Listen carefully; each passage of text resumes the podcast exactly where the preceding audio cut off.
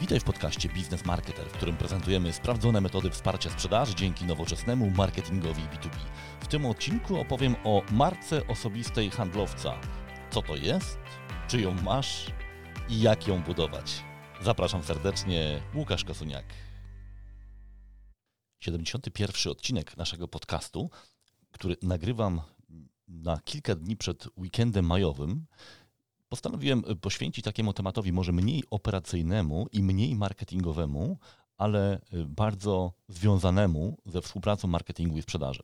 Chcę się zająć marką osobistą handlowca. W projektach, które uczestniczę, szczególnie tych nastawionych na social selling, ale też tych, gdzie dosyć intensywnie wykorzystujemy chociażby treści, nawet tam, gdzie przygotowujemy się do wdrożenia marketing automation, pojawia się temat tego, jak powinni być widoczni, jak powinni być postrzegani handlowcy w firmach B2B. I to się w zasadzie wszystko skupia y, wokół tematu marki osobistej handlowca. I dużo się mówi na temat marki osobistej handlowca, jest dużo szkoleń, dlatego ja dziś nie będę Wam przedstawiał tutaj teorii marki. Jeżeli naprawdę lubicie ten temat, to zdecydowanie polecam to, co produkuje, te treści, które produkuje Paweł Tkaczyk, on naprawdę się na tym zna.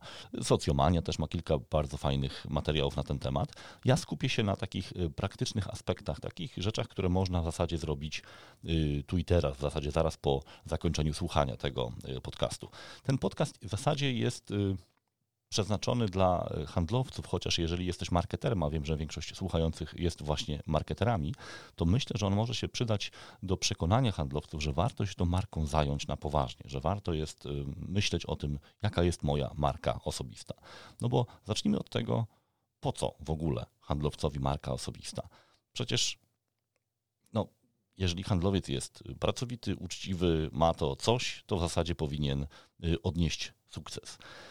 Tak rzeczywiście jest. Bo prawda jest taka, że każdy ma tą markę osobistą i wielu handlowców doskonale ją buduje, nawet nie znając tej teorii marki. No ale jeżeli chcemy do tego podejść trochę bardziej świadomie, co ważne, w jakiś sposób odpowiedzieć na to, co się dzieje w otoczeniu handlowca, czyli tej całej digitalizacji, to warto jest, myślę, dowiedzieć się o tym, jak uporządkować ten, e, ten proces. Więc zacznijmy od tego, co to jest ta marka osobista. Nie wchodząc w jakieś teoretyczne rozważania, można powiedzieć, że generalnie każda marka to jest pewna obietnica, pewne skojarzenie. Co to znaczy? Jeżeli y, ja wchodzę do mm, pokoju, to ludzie mają jakieś skojarzenie ze mną. Ci, którzy mnie znają, wiedzą, że no, przychodzi Łukasz Kosuniak i tak dalej, nie wiem, będzie wesoło, powiedzmy. Y, ci, którzy mnie nie znają, no, w zasadzie nie mają żadnego skojarzenia, ocenia, oceniają mnie po po wyglądzie, no właśnie o tym, o tym, jak wyglądam, jak się zachowuję. I to też jest element budowania marki osobistej. Ja mówię o tym nieprzypadkowo, ponieważ bardzo często widzę, nawet jeżeli rozmawiam z handlowcem, który chce mi coś sprzedać, y, zdalnie w tej chwili głównie, że ci ludzie wyłączają kamerę podczas spotkań, nie wiem, na Teamsie czy, czy Zoomie.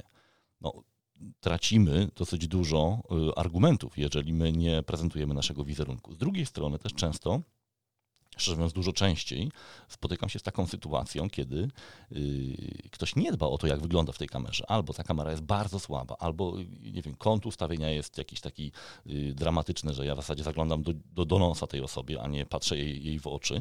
No, warto jest o tym pamiętać. Oczywiście my mamy trochę większą tolerancję w tej chwili na jakieś tam niedoskonałości wizualne, ale jeżeli nie przychodziłbyś do klienta, nie przychodziłabyś do klienta w zaplamionej koszuli, no to y, rozmawiając z nim y, twarzą w twarz, przez kamerę internetową, też warto zadbać o jakiś element tego dobrego wizualnego skojarzenia. Ja sobie zdaję sprawę z tego, że nie zawsze w domu mamy świetne warunki, ale pewna schludność tego, co mam na sobie, tego, jak y, tą kamerę chociażby kadruję, tego, co jest za mną, no bardzo pomaga, bo tak jak Wam powiedziałem, jeżeli ja kogoś nie znam, nie mam żadnego skojarzenia z tą osobą, to pierwsze moje skojarzenie będzie oparte o bodźce wizualne. No tak jesteśmy skonstruowani po prostu i warto jest mieć to na uwadze. To tak przy okazji budowania marki osobistej, takich podstawowych rzeczy, które wydają się oczywiste, a wcale potem w praktyce nie są y, stosowane.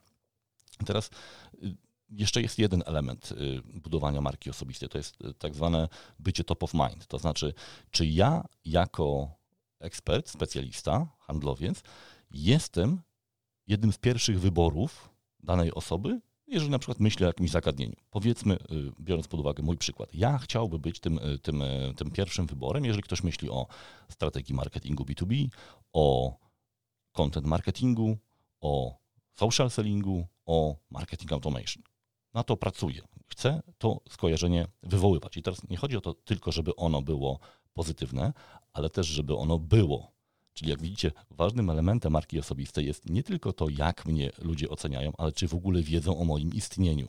To też warto o tym pamiętać, ponieważ handlowcy często mają tendencję do za, za, zamykania się w pewnym swoim, w swojej, swojej, grupie klientów, których już znają, w których, w których się do, dobrze czują. Natomiast no, zmienia się otoczenie nas jako handlowców. Ja jestem marketerem z doświadczenia i wykształcenia, ale już od kilku lat też sprzedaję usługi mojej, mojej firmy, więc już to doświadczenie w przyspieszonym tempie musiałem nabywać, a jeszcze kilkanaście lat temu przechodziłem dosyć intensywny trening, jeszcze pracując w Microsoft. Kilkaset godzin, y, gdzie rozmawialiśmy z handlowcami z w zasadzie całego świata, też z klientami, którzy kupowali usługi i rozwiązania informatyczne. I y, właśnie w tych rozmowach, y, z tych rozmów pamiętam jedną rzecz handlowcy nie mogą ignorować tej przestrzeni cyfrowej, ponieważ ona będzie nas coraz bardziej dotyczyć. Co to znaczy? Jeżeli weźmiemy sobie takie badania firmy Gartner, która mm, jeszcze rękami firmy CEB, którą, którą kupiła, zrobiła badania na temat procesu decyzyjnego B2B, to już kilka lat temu tam była taka informacja, że w momencie, kiedy dochodzi do pierwszego spotkania z handlowcem, proces decyzyjny w firmach właśnie B2B jest zaawansowany w 57%, czyli upraszczając, klient ma już połowę informacji w głowie, czyli już ktoś mu tą, te informacje do głowy włożył. Pytanie tylko, czy to byliśmy my. I oczywiście można powiedzieć, że no przecież od tego jest marketing. Oczywiście, jasna sprawa. Natomiast jeżeli y, ty jako handlowiec nie będziesz widoczny w tych treściach, to nie budujesz swojej marki osobistej. To oczywiście markę, powiedzmy, firmową buduje wtedy twoja organizacja, twoja firma, ale ty na tym nie zyskujesz.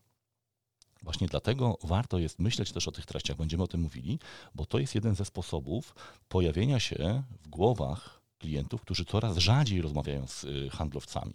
Jest cała masa badań na ten temat, ale polecam Ci szczególnie y, takie badania z 2020 roku Buyer Behavior Study, które mówią o tym, że no, pandemia strasznie zmieniła y, ten sposób pozyskiwania informacji przez klientów. Oni dużo częściej, prawie 70% z nich mówi, że zagląda bardzo intensywnie do treści, że tych treści jest coraz więcej, że generalnie coraz częściej w procesie decyzyjnym odsuwają spotkanie z handlowcem. Więc co ty jako handlowiec możesz zrobić w tej sprawie i jak twoja marka osobista może się przydać? No właśnie w taki sposób, że jesteś widoczny w treściach, w materiałach.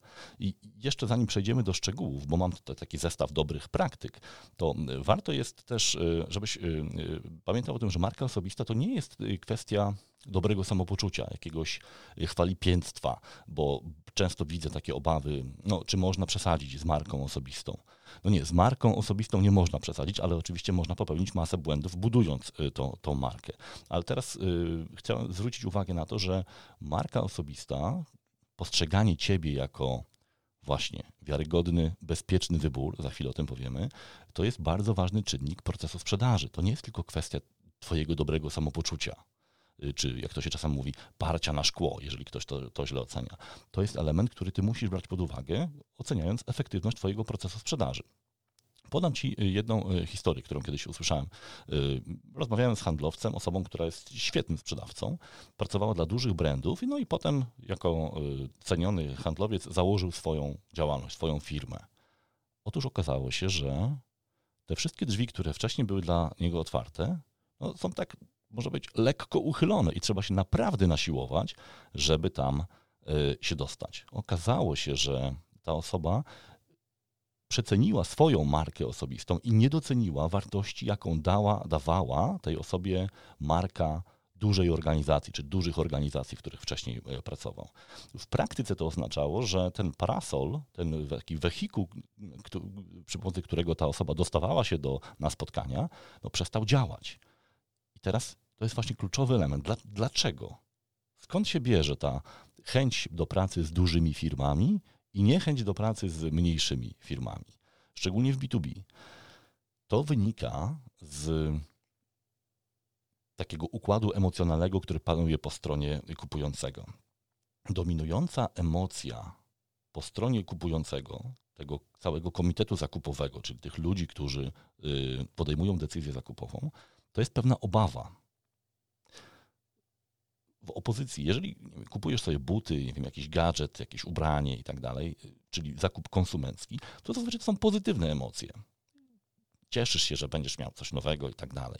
Nawet jeżeli tam coś się nie uda, nie wiem, te buty będą upijały, to można je zwrócić i tak dalej, to ryzyko jest o wiele mniejsze niż w B2B. W B2B to są często wydatki rzędu kilkuset tysięcy złotych albo y, nawet kilku milionów i nie wydajesz swoich pieniędzy.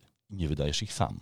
I bardzo często jest tak, że w tym komitecie zakupowym nie ma wcale zgody na to, że to tak powinno być, na to akurat powinniśmy wydać, wydać pieniądze. I teraz, jeżeli ten dostawca, którego zaakceptowaliście, i na przykład ty byłeś szefem tego komitetu zakupowego, zawali, nie dowiezie, no to konsekwencje bardzo często są przykre.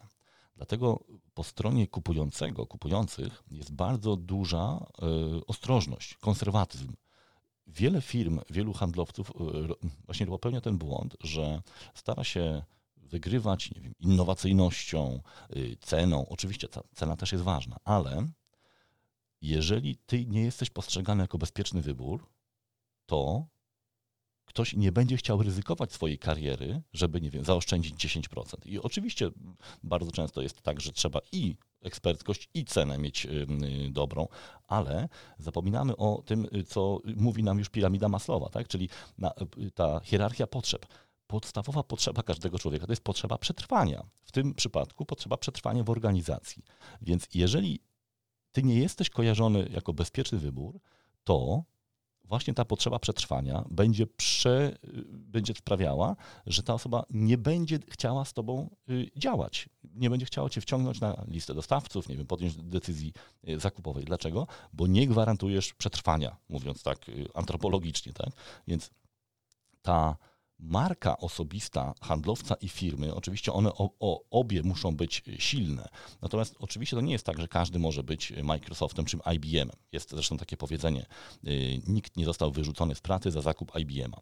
Prawdopodobnie nieprawdziwe, w sensie pewnie są osoby, które zostały za to wyrzucone z pracy, ale ono obrazuje pewien y, sposób myślenia osób, które właśnie są w tych komitetach zakupowych. Ja wolę kupić drożej, ale bezpieczniej bo nikt mi nie zarzuci, że zaoszczędziłem, a teraz to nie działa.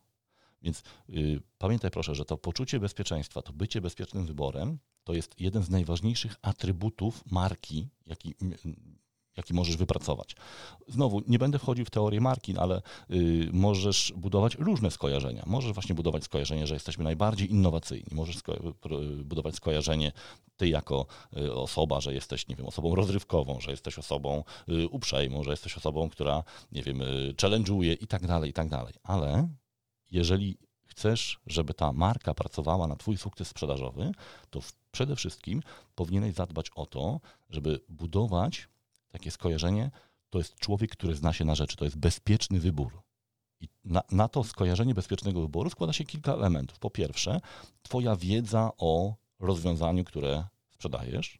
Po drugie, Twoja wiedza o problemach klienta, które rozwiązujesz. I trzeci, no, Twoja ogólna wiarygodność, czyli to, czy nie oszukujesz, czy Twoi klienci Cię polecają i tak dalej. Jeżeli te trzy elementy są na wysokim poziomie, to wtedy ta to poczucie bezpieczeństwa po stronie klienta będzie rosło. I za chwilę powiemy, y, jak to zrobić. Znaczy, krok po kroku, jakie treści można tworzyć, jakie działania powinno się podejmować, żeby y, właśnie takie skojarzenie tego, to, to poczucie bezpieczeństwa y, wywołać. Czasami ja upraszczam to, mm, te dyskusje na temat właśnie tego bezpiecznego wyboru, mówiąc o tym, że trzeba się skupić na tym, żeby być marką ekspercką. I oczywiście te dwa pozostałe elementy też, też, też są ważne, czyli jakby znajomość biznesu klienta i taka ogólna y, wiarygodność, no bo to jest podstawa. To znaczy, jeżeli to, co mówisz, y, nie ma poparcia w tym, co robisz, to wcześniej czy później możesz, będziesz mógł mówić dowolne rzeczy i tak ci nikt nie uwierzy. To jest jasne, prawda? To znaczy, budowanie marki y, eksperckiej nie polega na kreowaniu sztucznego wizerunku. Mówię o tym, y, zdając sobie sprawę z tego, że być może pomyślicie, że to jest przecież oczywiste.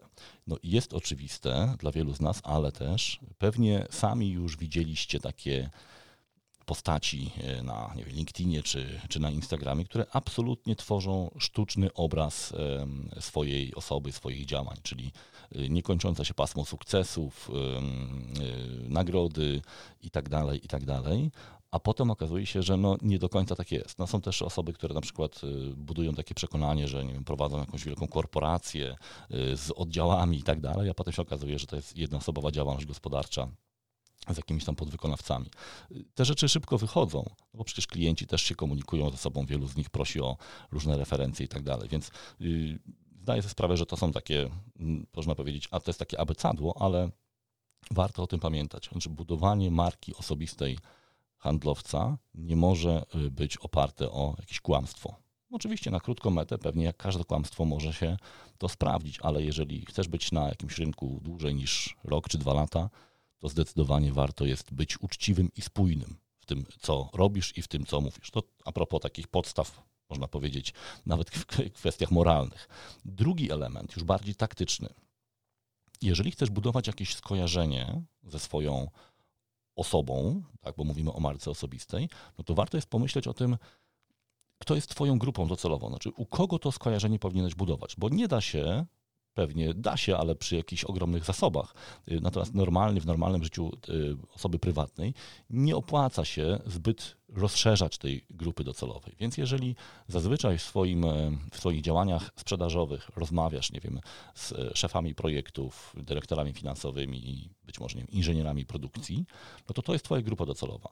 I teraz warto jest e, skupić się właśnie na tych osobach. Dlaczego? Ponieważ oni mają bardzo konkretne pytania, wykształcenie, doświadczenie, sposób myślenia.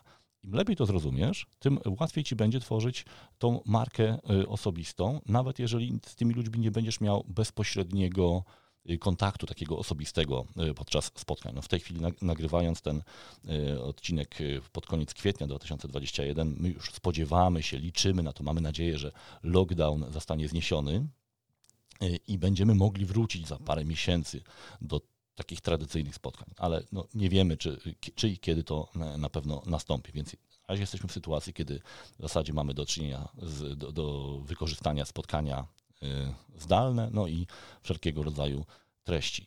I za chwilę o tym powiem, bo to jest bardzo istotne, żeby y, handlowcy też zrozumieli wartość tworzenia treści. Zazwyczaj w firmach jest taki podział. Handlowiec sprzedaje, a marketing robi treści. I oczywiście, jeśli chodzi o samą produkcję, to się zgadza. Natomiast, żeby te treści miały swój ciężar gatunkowy, miały swoją wartość, no niezbędne jest zaangażowanie handlowca. I tutaj trochę przemawia przeze mnie y, człowiek, który zajmuje się marketingiem. No nie da się zrobić dobrych treści, jeżeli ktoś nie oceni, czy te tematy są ważne, jak, to, jak do tego podejść, dla kogo to może być ważne i tak dalej. A tym kimś są właśnie handlowcy. I teraz y, działa to też w drugą stronę. To znaczy, jeżeli firma tworzy treści, i nie podpisuje ich nazwiskiem, wizerunkiem handlowców, to traci pewien potencjał. Dlaczego tak się dzieje? Wiele badań o tym mówi, e, ale są takie e, badania e, Edelman Trust Barometer i w jednym z tych, co rok są wydawane, pamiętam, że w jednym z raportów wyczytałem właśnie takie dosyć prostą historię o tym, jak klienci oceniają, czy jakaś marka jest marką ekspercką. No po prostu oceniają, czy zatrudnia ekspertów. To znaczy, czy są widoczne osoby, które są postrzegane jako, eksperci. Więc y, zarówno z perspektywy firmy, jak i z perspektywy Twojej jako handlowca, który chce być postrzegany jako ekspert, warto jest o to zadbać, y, żeby ten Twój wizerunek był w tych treściach uwzględniony. Oczywiście to nie chodzi o to, żeby oczekiwać, że marketing napisze y, artykuł i podpisze to Twoim nazwiskiem, no bo Byłoby to jednak mało uczciwe, przyznasz. Ale chodzi o to, żeby włączać się w ten proces współtworzenia treści. I teraz nie chodzi tylko o to, żeby po prostu świecić swoim wizerunkiem, ale chodzi też o to, że tworzenie treści to jest sposób na zoptymalizowanie Twojego czasu. My jakiś czas temu e, prowadziliśmy taką ankietę wśród handlowców, pytając ich, jak e, często w kontaktach z klientami odpowiadają na pytania, które już padły. I handlowcy mówią, że to jest to około 50 do 70% ich, ich czasu. Czyli w zasadzie można byłoby założyć, że gdyby te, na te pytanie już odpowiedzieli, mieliby jakąś treść, którą mogą, mogą wysłać, no to w większości przypadków po prostu nie musieliby tego pisać od nowa. A tak często się zdarza, że handlowcy po prostu tworzą, piszą od nowa, odpowiadają na maile. Więc nawet z tego powodu warto jest myśleć o tworzeniu treści, żeby po prostu zaoszczędzić y, trochę czasu. I dla mnie takim najciekawszym przykładem, najbardziej takim y, intensywnym przykładem treści, która promuje handlowca, są webinaria. Dlaczego? Ponieważ to jest materiał, który jest zazwyczaj pogłębiony, który prezentuje Twój wizerunek, Twój głos, Twoją, twoją, twoją twarz. Y, daje też taką przestrzeń do nawiązania pewnego pewnej relacji zaufania. To znaczy, jeżeli ten webinar jest dobrze przygotowany, on zazwyczaj trwa kilkadziesiąt minut, no to już jest taka przestrzeń, żeby kogoś przekonać, że znasz się na rzeczy. Przy jakiejś krótkiej rozmowie nie zawsze masz tą okazję, ale jeżeli już ktoś uczestniczy w webinarze i ty prowadzisz ten webinar albo współprowadzisz ten webinar jako handlowiec, to rzeczywiście to jest duża szansa, że ta, po takim webinarze kupujesz, że tak powiem, tych ludzi. To webinar w ogóle na, na, na jego temat jest dosyć dużo. Yy, odcinków w naszym podcaście, więc y, y, polecam Ci, y, wyszukaj sobie po prostu w podcaście słowo webinar i tam będzie parę, parę, parę odcinków na ten temat, ale on jest bardzo ciekawą formą też dlatego, że jest dwukierunkowy. To znaczy też dostajesz pytania w trakcie. I znowu y, masz okazję, że, że tak wykazać się swoją wiedzą, ale też możesz zbierać te pytania. Za chwilę zresztą y, do tego przejdziemy. Ja zachęcam też do tworzenia krótszych form wideo, takich bardzo często nawet nagranych przy pomocy telefonu komórkowego. Y, telefony mają świetne aparaty w tej chwili. Jedyne o co warto zadbać to jest dźwięk. Taki mikrofon krawatowy warto sobie sprawić. Już około 100 zł i naprawdę można ten mikrofon mieć w miarę porządny. Ten dźwięk jest wtedy dużo lepszy. Stabilny oczywiście, czyli stawiamy gdzieś albo na statywie, albo w jakimś takim stabilnym miejscu, w miarę blisko okna i mamy wszystko, czego potrzebujemy, żeby tworzyć treści. No oczywiście jest jeszcze kwestia y, tematów, czyli o czym te treści tworzyć. I teraz y, taką metodę, którą ja bardzo często polecam, zresztą jest opisana w książce y, Co chce wiedzieć klient, angielski tytuł The Ask You Answer, ona została niedawno wydana przez wydawnictwo MT Business. Tam jest prosta metoda przedstawiona po prostu zapisuj pytania, jakie zadają klienci. Y, odpowiadaj na te, które pojawiają się najczęściej. Nie ignoruj tych pytań prostych i to jest cała sztuka, cała, cały koncept y, zapewnienia, że treści, które tworzysz, no są przydatne. Bo właśnie tym atrybutem marki eksperckiej też jest to, że tematy, na jakie się wypowiadasz, są istotne dla Twoich klientów. I tu znowu nie chodzi o to, żeby to były tematy super trudne, super ambitne. Oczywiście też, jeżeli o to pytają, ale bardzo często klienci oczekują odpowiedzi na proste pytania. Dlaczego tak to działa? Dlaczego to nie działa? Dlaczego to jest drogie? A w czym jesteście lepsi? I tak dalej, i tak dalej. Mając tą bazę pytań, masz pewność, że jeżeli już bierzesz się za tworzenie treści, czyli nagrywasz, nie wiem, wideo, yy, współtworzysz webinar, to poruszasz tematy ważne. Ważne. I wtedy też zazwyczaj nie ma problemu z zebraniem odpowiedniej grupy osób, z zasięgami, z zaangażowaniem w sieciach społecznościowych, czyli w tych lajkach, komentarzach i tak dalej. Dlaczego? Bo poruszasz temat istotny, po prostu. I znowu, no, nie chodzi o to, żeby te wszystkie mm, treści, które tworzysz, były jakoś szczególnie wymuskane. Oczywiście też nie mogą być kiepskie jakościowo, no bo budujesz swoją markę. To jest właśnie kolejny moment, kiedy warto wspomnieć o pewnej jakości wizualnej nikt nie oczekuje, że na LinkedInie będziesz y, tworzył wideo czy webinary przy pomocy jakiegoś super specjalistycznego sprzętu. Natomiast z drugiej strony też, y, no, zawsze pamiętaj o tym, że jeżeli chodziliśmy do klientów, to nie chodziliśmy w podartych spodniach, w zaplamionej koszuli. To wszystko jakoś wyglądało, prawda? Nie każdy ma garnitur od Armaniego, ale, że tak powiem, każdego handlowca stać na czystą, wypracowaną koszulę. I tu jest podobnie. Znowu, nie chodzi o to, żebyś nagrywał wideo w białej, wypracowanej koszuli, ale żeby zadbał o pewne minimum estetyki, które po prostu nie razi bo my jesteśmy zbudowani w taki sposób, że reagujemy na bodźce wizualne. Ja kiedyś brałem udział w rekrutacji yy, programisty, który u nas w biurze po prostu zalał się kawą. Wszyscy wiedzieli, no, no wypadek, nieszczęście się stało człowiekowi. I potem była rozmowa, bardzo ciekawy kandydat, a ja musiałem się bardzo skupiać na tym, co on mówi, a nie na tym, nie na tej plamie na jego koszuli. Po prostu tak jesteśmy zbudowani. Nasz mózg reaguje na takie bodźce i zabiera energię. Więc jeżeli nie chcesz, żeby ludzie byli rozproszeni y, jakimś kiepskim obrazem, y, jazgotem, y, hałasem w tle, to zadbaj też o taką jakość wizualną tego, co y, obserwują twoi, y, twoi klienci. Oczywiście tutaj bardzo zachęcam do współpracy z działem marketingu. Jeżeli tylko masz taką możliwość, to nie jest tak, że przecież ty musisz tworzyć te treści sam. Bardzo często to właśnie marketerzy czekają na handlowców, którzy mają jakiś pomysł na treści, ale przede wszystkim warto jest, żebyś y, miał, miała swoje, swoje zrozumienie tego, czym ci klienci się interesują, co jest dla nich ważne, co jakie tematy warto poruszać. I wtedy, jeżeli zadbasz o właśnie spójność tematyczną i regularność w dostarczaniu tych treści, jest duża szansa na to, że przebijesz się przez ten szum informacyjny. I właśnie w ten sposób trochę płynnie przeszliśmy do tematu mediów społecznościowych, no bo oczywiście bardzo ciekawym, skutecznym narzędziem budowania marki osobistej są wszelkiego rodzaju media społecznościowe. Powiedzmy, że w biznesie LinkedIn, Facebook, no, w zależności od branży, Twitter, nawet TikTok. Mechanizmy są bardzo podobne. To są media społecznościowe, to znaczy ludzie reagują na innych ludzi, na to, co ciekawego mają do powiedzenia. I oczywiście, jeżeli nie jesteś influencerem, nie wiem, skandalistą, gwiazdą roka, politykiem i tak dalej, no to y, nie, nie, nie możesz stosować tych mechanizmów właśnie polaryzacji, skandalu, kontrowersji. Nie zalecam tego zdecydowanie. Natomiast y, no, nam y, pozostają te mechanizmy bardziej długofalowe, czyli właśnie spójność tematyczna, regularność i wartość, tworzenie wartościowych treści. I teraz, jak to, co to znaczy w praktyce? Powiedzmy, że chcesz zbudować swoją markę osobistą y, jako eksperta od jakiegoś zagadnienia. Weźmy mój przykład. Ja chciałbym być postrzegany jako ekspert od marketing automation. To ja skupiam się właśnie na tych tematach w moich publikacjach w mediach społecznościowych. Czyli mam wiele innych zainteresowań, ale z rozmysłem, akurat na LinkedInie, bo to jest mój główny obszar działania, nie publikuję o swoich zainteresowaniach, nie wiem, historycznych, sportowych i tak dalej, i tak dalej, czy o jakichś tam gadżetach elektronicznych, bo nie chcę rozpraszać, nie chcę utrudniać zbudowania tego skojarzenia. Oczywiście to nie jest tak, że musisz mieć tylko jeden temat.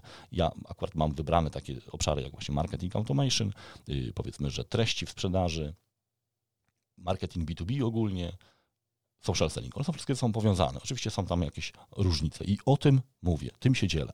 To jest właśnie ta spójność, czyli każda treść, która wychodzi ode mnie, w jakiś sposób dotyka tych właśnie y, zagadnień.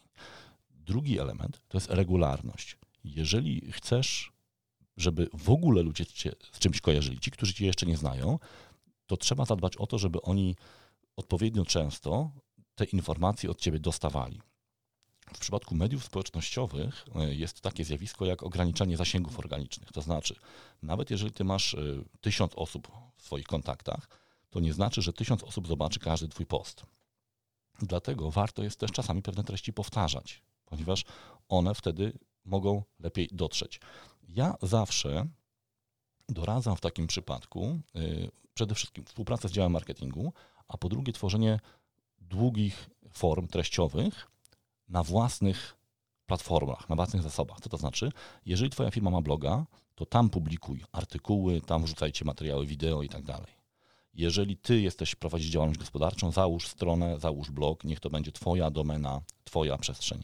Nie uzależniaj się od sieci społecznościowych. Niech sieci społecznościowe będą tylko kanałem promocji. Tak? Czyli przy ich pomocy, ale nie tylko, promujesz treści, ale jeżeli ta sieć by się nie wiem, zbankrutowała, wyłączyła i tak dalej, to nie tracisz tych treści. Nie, nie jesteś od niej y, zależny. Warto się o tym, y, warto to zadbać już na, już, na, już na początku. Czyli publikujesz y, powiedzmy duży artykuł na jakiś temat i na ten temat, na temat tego artykułu możesz stworzyć kilka postów w mediach społecznościowych. Nie po jednym poście, tylko kilka. Dzięki temu nie musisz codziennie pisać artykułu, czy co tydzień pisać artykułu, żeby mieć co tydzień temat na post. Bo przecież ten artykuł zazwyczaj obejmuje, ma, jakiś, ma jakąś strukturę, ma jakieś części. Warto to wykorzystać, żeby nie też y, poprawić tą swoją y, ekonomię, ekonomikę swojej, y, swojej pracy. Y, kolejny y, element, jeśli chodzi o y, treści, czy treści szczególnie w sieciach społecznościowych, to jest właśnie regularność, czyli ja zachęcam, żeby publikować coś około raz w tygodniu. Dzięki temu y, przebijesz się przez ten szum informacyjny. w każdym medium społecznościowym jest szum informacyjny i walczysz o uwagę swoich potencjalnych klientów nie tylko z Twoimi konkurentami, ale też z ludźmi, którzy publikują na zupełnie inne tematy, które przyciągają uwagę. Czyli zamiast czytać Twój post o, y, o czymś tam, to oni y, przeczytają post jakiegoś innego doradcy, eksperta, guru i tak dalej. Więc żeby wywoływać to skojarzenie z daną tematyką, to trzeba przede wszystkim zawęzić obszar tych publikacji, a po drugie zadbać o pewną regularność. I tutaj oczywiście współpraca z działem marketingu bardzo się przyda, ponieważ dział marketingu może też Ci dostarczyć treści, które y, możesz y, publikować, ale warto jest też wskazywać chociażby tematy do tych treści. A jeżeli prowadzisz działalność własną i nie masz możliwości korzystania z pomocy działu marketingu, to ja polecam właśnie tworzenie y, dłuższych artykułów, taki artykuł na przykład można napisać raz na miesiąc, a potem przez kolejne cztery tygodnie publikować co tydzień y, posty, które na różne sposoby do tego artykułu nawiązują i go oczywiście też promują. Świetnym przykładem y, też jest webinar, bo webinar zazwyczaj jest nagrany, więc możesz też wykorzystać taki efekt jak y, recycling treści, tak? czyli możesz go sobie pociąć na kawałki, to nagranie, możesz y, promować samo nagranie, możesz promować nawet materiały do tego webinaru i wszystko to krąży wokół tego samego zagadnienia, czyli utrzymujesz tą spójność i zapewniasz tą regularność. No i trzeci element. Wartość, wartościowe treści to muszą być treści, które są naprawdę istotne dla klienta. Już wspomniałem Ci o tej metodzie y, zapisywania pytań i ja zawsze, kiedy o niej mówię, to mam takie y, przekonanie, że wszyscy mówią, tak, super metoda, tak. I potem często w projektach my wracamy do tego tematu i pytam, no to podeślijcie teraz pytania, pewnie już macie ze 100 pytań od klientów. I często słyszę taką powiedzieć, a wiesz co, po tygodniu tak trochę sobie odpuściliśmy, bo te pytania się powtarzały, w zasadzie klienci pytali o to samo. No właśnie, oczywiście, że klienci pytają często o to samo, pytania się powtarzają, ale właśnie o to chodzi w tej metodzie, żeby zapisywać te pytania, które się najczęściej powtarzają i na nie właśnie odpowiadać. Jeżeli słuchamy uważnie y, z rozmów, z różnych czatów, z webinarów, z dyskusji w sieciach społecznościowych, to tych tematów pojawi się bardzo dużo. I zachęcam do tego, żebyś y, był, była mm, regularny, spójny w tym. Czyli nie poddawa się po tygodniu czy po dwóch tygodniach. Niech to będzie pewien rytm Twojego działania. Pojawia się pytanie, zapisuję. Y, jeżeli działasz w grupie, w organizacji, wyślij to nie wiem, do działu marketingu, niech wszyscy handlowcy te pytania zbierają i wtedy też będziecie mieli o wiele więcej treści do, do tworzenia. A potem oczywiście warto się jest włączyć w y, tworzenie odpowiedzi na te pytania, bardzo często y, takim dużym sukcesem cieszą, cieszą, się webinary, które właśnie odpowiadają na najczęściej zadawane pytania klientów. I klienci widzą, że to są realne pytania. Każdy z nas potrafi odróżnić pytanie realne od wymyślonego i bardzo często wtedy ta, y, ta frekwencja na takich spotkaniach jest bardzo duża, a potem oczywiście my mamy y, dodatkowe materiały z takich treści, więc artykuły, webinary, a potem dopiero publikowanie w, w, sieciach, w sieciach społecznościowych. Jest jeszcze kilka takich rzeczy, które, na które warto zwrócić uwagę, bo oczywiście można przesadzić też z mm, tą intensywnością swoich działań w budowaniu tej marki osobistej, ale ja szczerze mówiąc nie spotkałem się nigdy z zarzutem, że ktoś przesadził z publikacją wartościowych treści. Więc jeżeli masz dużo wartościowych treści, masz przekonanie o tym, że rzeczywiście te pytania, te odpowiedzi Twoje odpowiadają na realne pytania klientów, to nie przejmuj się, publikuj nawet codziennie. Oczywiście pod warunkiem, że naprawdę te treści są, y, są wartościowe. Nikt jeszcze nigdy nie narzekał na zbyt dużo wartościowych treści. Oczywiście bardzo często narzekamy na zbyt dużo treści, które nie mają nic wspólnego y, z wartością. Więc unikaj też takiej sytuacji, kiedy te posty są puste, kiedy one nie wnoszą nic nowego, albo kiedy nie ma tam Twojej indywidualnej perspektywy. Bardzo często właśnie handlowcy dostają jakąś treść od marketingu, przesyłają to dalej i dziwią się, że nikt nie reaguje. No nie, no bo każdy, kto buduje swoją markę osobistą, wie, że istotne jest to, co Ty o tym myślisz. Dlaczego to opublikowałeś, opublikowałaś. Więc jeżeli też publikujesz, to zastanów się, zadaj sobie jedno takie pytanie, które ja często zadaję. I co z tego? Jaka wartość z tego wynika? Czego, ja się, czego moi odbiorcy się dowiedzą ciekawego? Oprócz tego, że jestem super, że moja firma jest świetna i tak dalej, i tak dalej. Czy jakiś ich problem będzie łatwiejszy do rozwiązania? Zawsze warto sobie zadać kilka tych pytań. Oczywiście na początku może nie jest to naturalne, ale jeżeli wejdzie to w tobie w krew, to zobaczysz później, że, że będzie o wiele łatwiej tworzyć takie, tworzyć takie treści. Jest jeszcze jeden element budowania marki osobistej, na który ja zwracam szczególną uwagę, to jest rozwój. Y, nie zatrzymywanie się na etapie, na którym już jestem. Wielu handlowców, ja to widzę, wpada w pewną rutynę. Pracują kilka lat w danej firmie, już wszystkie manuale, podręczniki użytkownika przeczytali i tak dalej. Zazwyczaj ich poziom wiedzy jest o wiele wyższy niż średni poziom wiedzy klientów i że tak powiem, gnuśnieją, to znaczy już nie idą dalej, nie rozwijają się. No cóż jeszcze więcej można o tych produktach wiedzieć. I to jest coś, co rzeczywiście jest potem widoczne, chociażby w treściach albo w ich braku. No bo jeżeli ja już wszystko wiem, o wszystkim już powiedziałem, to po cóż więcej y, tworzyć te treści i pojawia się ten problem właśnie, że znikam z radaru y, moich klientów. Pamiętaj proszę, że o ile możesz się nauczyć wszystkiego o produkcie, to zazwyczaj nigdy się nie nauczysz wszystkiego o biznesie swoich klientów. I ci handlowcy, którzy naprawdę są doceniani przez, przez klientów, to są te osoby, które nie tyle ciągle piszą o produktach. Ja też tego nie polecam. Nie, nie zawalajcie swojego walla na, na LinkedInie reklamami produktów ale skupiają się na problemach klientów, na zagadnieniach, które, na problemach, które rozwiązują, na jakichś mm, trendach y, branżowych, problemach branżowych. Tego nigdy nie jest y, za dużo i im dłużej z klientami rozmawiasz, tym więcej tych problemów widzisz. I tym lepsze są oczywiście też, y, też Twoje treści. Zresztą wracając jeszcze do mediów społecznościowych, były takie badania firmy Forrester, które, z których wynikało, że klienci, uczestnicy, użytkownicy mediów społecznościowych, decydenci biznesowi są y, pięciokrotnie częściej zainteresowani wejściem w relacje, w kontakt jakiś z handlowcem, jeżeli y, te treści, które ta osoba publikuje, dotyczą właśnie problemów tej firmy czy branży. Więc im bardziej my jesteśmy nastawieni na problemy branżowe klientów, tym większa jest szansa na to, że ktoś wejdzie, wejdzie z nami w kontakt i oczywiście potem zdyskontujemy to w jakiś sposób w naszych działaniach e, sprzedażowych. To powiedzmy sobie, o błędach. Już trochę zacząłem o tym mówić. Pierwszy błąd, który można popełnić, y, jest taki, że nie zarządzamy swoją marką osobistą, czyli liczymy na to, że jakoś to będzie.